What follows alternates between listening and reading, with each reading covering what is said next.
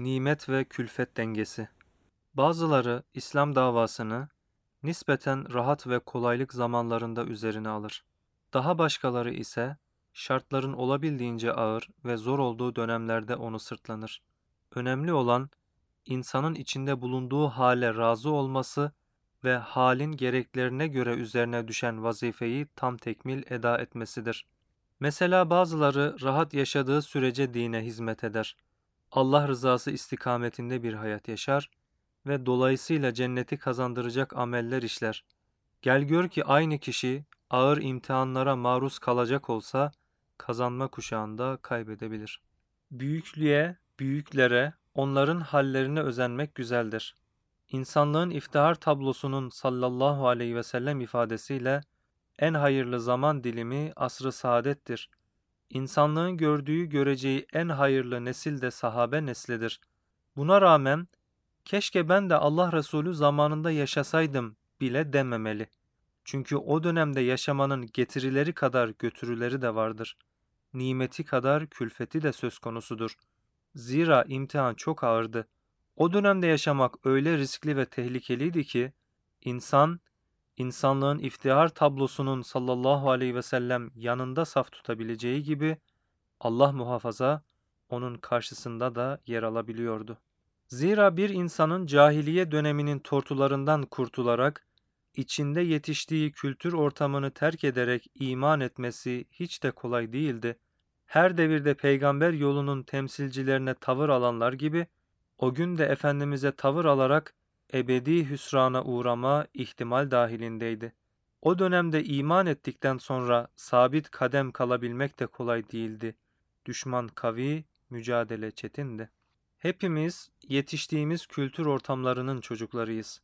Bizler yetiştiğimiz dönem itibarıyla zorlanmadan Allah'ı, Efendimiz'i ve İslam'ı kabul ettik. İslami gelenek ve görenekler ruhumuza sindiğinden dini kabul etmede bir zorluk yaşamadık. Bu sebeple halimize ne kadar şükretsek azdır. Mehmet Akif hislerine yenik düşüp gül devrini bilseydim onun bülbül olurdum. Ya Rab beni evvel getireydin ne olurdu dese de meseleye tek yönlü bakmamak lazım. Kazanç ufku kadar kaybetme dehlizlerinin de görülmesi gerekir. Bir hasebil mağrem el mağnem. Kazanç imkanı risk ölçüsündedir nimet ölçüsünde külfet kaydesince, asrı saadette yaşamanın nimetleri kadar risklerinin de olduğu unutulmamalı. O dönemin sıkıntılarına katlanabilir miydik, katlanamaz mıydık bunu hiçbirimiz bilemeyiz. Bu yüzden halimize razı olmalı ve sahip olduğumuz imkanları en iyi şekilde değerlendirmeye bakmalıyız. İçinde yaşadığımız genel hava, sosyal yapı, şartlar ve sistemin Müslümanlığı yaşama ve başkalarına anlatmanın ne kadarına müsaade ettiğini ölçmeli, tartmalı ve bu çerçevede hareket etmeye çalışmalıyız. Ne sahabenin, ne tabiinin, ne tebe-i tabiinin, ne de daha sonraki dönemlerde yaşamış büyük zatların çektikleri çileleri hafife almayalım. Onların pek çoğu hayatlarını at sırtında cephelerde geçirmiş ve sürekli düşmanla yaka paça olmuşlar. Bir yerden başka bir yere hicret edip durmuşlar. Pek çoğu cephelerde can vermiş. Kendileri ölmüşler ama başkalarının dirilmesine vesile olmuşlar. Tabii bu arada bir kısım kimseler de dökülüp yollarda kalmış. Bizim gibi rahata alışmış ve ciddi sıkıntı görmemiş bir neslin bu tür ağır imtihanlar karşısında sebat etmesi, tahammül fersa zorluklara katlanması kolay olmayacaktır. Bu itibarla Allah'a hamdolsun ki bizi bu dönemde yarattı. Götüreceğimiz yükleri sırtımıza yüklemedi. Götüremeyeceğimiz yükleri sırtımıza yüklemedi demeli ve halimize şükretmeliyiz.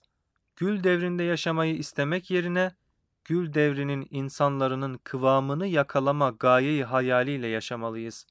Önemli olan hali hazırda bir emanet olarak yüklendiğimiz vazifeye ihanet etmemek ve onun hakkını verebilmektir. Cenab-ı Hak bazı fertlere veya toplumlara büyük olma yolunu gösterir, onlara ekstra nimetler bahşeder.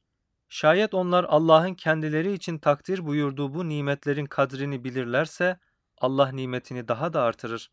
Aksi takdirde Sıradan insanların durduğu yerde de duramaz ve daha aşağılara inerler. Aslında bir açıdan her insan böyle bir büyüklüğe namzet olarak yaratılmıştır. Çünkü o ahseni takvime mazhardır, eşrefi mahlukattır. Adeta bütün bir varlığın hülasası gibidir. Meleklerin kendisine secde ettiği varlıktır. Allah'ın bu ölçüde kıymet verdiği insan, şayet sahip olduğu donanım ve potansiyelin hakkını vermezse, esfeli safiliğine sukut eder. İnsanın önünde üç alternatif vardır. Ya iyi işler yapacak, ya kötü fiiller irtikap edecek, ya da boş ve hareketsiz duracaktır. Son iki durum onun sukutuna sebeptir. Yükselmenin ise tek yolu vardır, iyi işler yapma. Kur'an bunu iman etme ve ameli salih işleme şeklinde formüle eder. Her insanın hayatında bu nimet külfet dengesini görebiliriz. Fakat bu bazılarında daha belirgin olabilir. Bir kimse ne kadar külfete katlanmışsa hakkında o kadar ganimet takdir edilir. Bu kaide fıkıhta pek çok ahkama kaynaklık etmiştir. Mesela savaşta ölümü göze alarak düşmanla göğüs göğüse çarpışan muharibe verilen mükafatla geri hizmetlerde çalışana verilen aynı tutulmaz. Aynı kuralı Allah'la münasebetlerimiz açısından da düşünebiliriz. Herkesin kendi kâmeti kıymetine ve kulluktaki derinliğine göre Allah'a yakınlığı söz konusudur. Bir insan kulluk yolunda katlandığı sıkıntılar ölçüsünde Allah'a yaklaşır, Allah'a yaklaştıkça mazhar olacağı nimetler artar ve tabii ki bu ölçüde sorumluluğu da fazlalaşır. Kapının önünde duranla koridorda tutulan, salona alınanla harem odasına giren kimse aynı olmaz. Kapının önünde duran, durduğu yerin adabına riayet etmediği takdirde en fazla bulunduğu yerden sokağa atılır. Harem odasına kabul edilense şayet konumunun hakkını vermez, mazhar olduğu iltifatlara karşı kadirşinas davranmazsa Everest tepesinden Lut gölünün dibine düşer. Meseleye şöyle farklı bir misalle yaklaşabiliriz. Allah bazı kimseleri irşat ve tebliğ vazifesiyle serfiraz kılar ve onları kitleleri yönlendiren önder ve liderler yapar. Bu durumda onlara düşen vazife, sahip oldukları itibar ve krediyi, imkan ve fırsatları çok iyi değerlendirerek insanları doğru yola sevk etmektir. Fakat onlar bunu yapmayıp, arkalarından yürüyen kalabalıkları yanıltır ve saptırırlarsa, konumlarının hakkını vermedikleri ve hatta bunu istismar ettikleri için üstlenecekleri günah yükü de çok ağır olur. Şayet bir kişi bir konumu ihraz etmişse, onun hakkını vermekle mükelleftir. Gözünün içine bakan, beklentisi olan ve sözünü dinleyen insanları yanıltmamalıdır. Yanılmamak ve kimseyi yanıltmamak için meşveretten ayrılmamalıdır. Hisleriyle hareket etmemelidir. Kendisine, ailesine, çoluk çocuğuna ait hesapları değil, Allah'ın hesaplarını takip etmelidir. Sürekli Allah'ı ve ruhu seyyidül enamı hoşnut edecek adımlar atmalı, icraatlar yapmalıdır.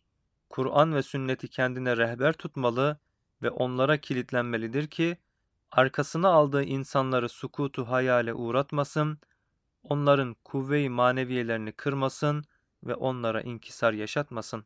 Önemli konumları ihraz eden insanların, konumlarının hakkını vermeleri durumunda elde edecekleri mükafat büyük olacağı gibi, konum hainliği yapanların maruz kalacakları ceza da bu nispette büyük olur. Bu sebepledir ki Nebi-i Ekrem Efendimiz sallallahu aleyhi ve sellem bir hadislerinde şöyle buyurur şöyle buyururlar. İnne ahabben nasi ilallahi yevmel kıyameti ve ednahum minhum meclisen imamun adil ve ebgadan nasi ilallahi ve eb'adehum minhu meclisen imamun cair. Kıyamet günü insanlar arasında Allah'ın en sevdiği ve ona en yakın olan kişi adil sultan. Allah nazarında en menfur ve ondan en uzak olan kişi ise zalim sultandır. Evet, üzerine aldığı ağır sorumluluğun gereklerini bir hakkın eda eden, her hak sahibinin hakkına ulaşmasını sağlayan adaletli yöneticilerin Allah katında mükafatı, tasavvurlarımıza aşkın olduğu gibi emanet olarak üstlendiği vazifeye ihanet eden, sorumluluğunu aldığı insanlara adil davranmayan, Allah'ın kendisine verdiği imkanları gerektiği gibi kullanmayan zalim yöneticilerin veballeri de çok ağır olacaktır. Evet, elde edilecek mükafatlar ölçüsünde karşılaşılması muhtemel sıkıntılar da büyük olur. O büyük ganimeti elde edebilmek için ceremesine katlanmak gerekir. Talip olunan kazanç ne kadar çoksa riski de o kadar büyük olur. Şayet Cenab-ı Hak gözünüzü belli ölçüde hakikate açmış, salih insanlarla birlikte hareket etme imkanı bahşetmişse, size düşen konumunuzun hakkını vermektir. İçinde bulunduğunuz şartları sürekli göz önünde bulundurarak devamlı, bu durumda ne yapsam, acaba nasıl bir yol takip etsem demelisiniz. Eğer ne yapacağınıza kendi aklınız yetmiyorsa, müşterek akla başvurarak işin doğrusunu bulmaya çalışmalısınız. Bazen siz konumunuzun hakkını verme adına hangi sebeplere müracaat edeceğinizi araştırırken Cenab-ı Hak fevkaladeden lütuflarda bulunur ve sevki sübhanisiyle sizi hayırlı bir yola sevk ediverir. Esasen günümüzde nail olduğumuz bunca nimeti başka türlü değerlendirmek hata olur. Öte yandan konumun hakkını vermek süreklilik ister. İhlas kulesinin zirvesine çıkmak çok zor olsa da sürekli orada kalabilmek ondan da zordur. İhlas kulesine tırmanmak için bir birimlik bir gayrete ihtiyaç varsa, orada kalabilmek için on birimliğine ihtiyaç vardır. Allah muhafaza buyursun, oradan düşen bir insan, Bediüzzaman'ın yaklaşımıyla derin bir çukura düşer. Çıktığı kule ne kadar yüksekse, düştüğü çukur da o nispette derin olur. Bu sebeple, istikametin korunabilmesi için, sürekli tahkim ve tebişire ihtiyaç vardır. Bir taraftan kimsenin kuvve-i maneviyesini kırmamaya özen göstermeli fakat diğer yandan herkesin kendisini sorgulamasını sağlamalıyız. Allah'la münasebetimizi sağlam tutabilme ve konumumuzun hakkını verebilme adına sürekli birbirimize hayırhahlık yapmalıyız. Manevi beslenmeyi, okumayı, düşünmeyi, müzakereyi, derinleşmeyi ihmal etmemeliyiz ki kıvamımızı koruyabilelim. Bunların yanı sıra Allah bazen bize farklı imkanlar bahşeder. Mesela güçlü medya kuruluşlarına, en çok satan gazetelere, en çok izlenen televizyonlara, en güzel eğitim müesseselerine sahip olursunuz. Bu durumda bunların da kendine göre bir şükür isteyeceğini, bu nimetlerin de hakkının verilmesi gerektiğini unutmamanız gerekir. Bu durumda bunların da kendine göre bir şükür isteyeceğini, bu nimetlerin de hakkının verilmesi gerektiğini unutmamanız gerekir. Müşterek akla müracaat ederek elinizdeki imkanları en rentable şekilde nasıl değerlendireceğiniz noktasında beyninizi zonklatmanız icap eder.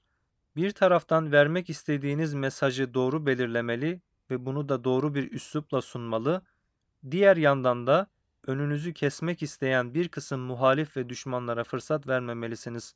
Aksi takdirde Allah bunların hesabını sorar.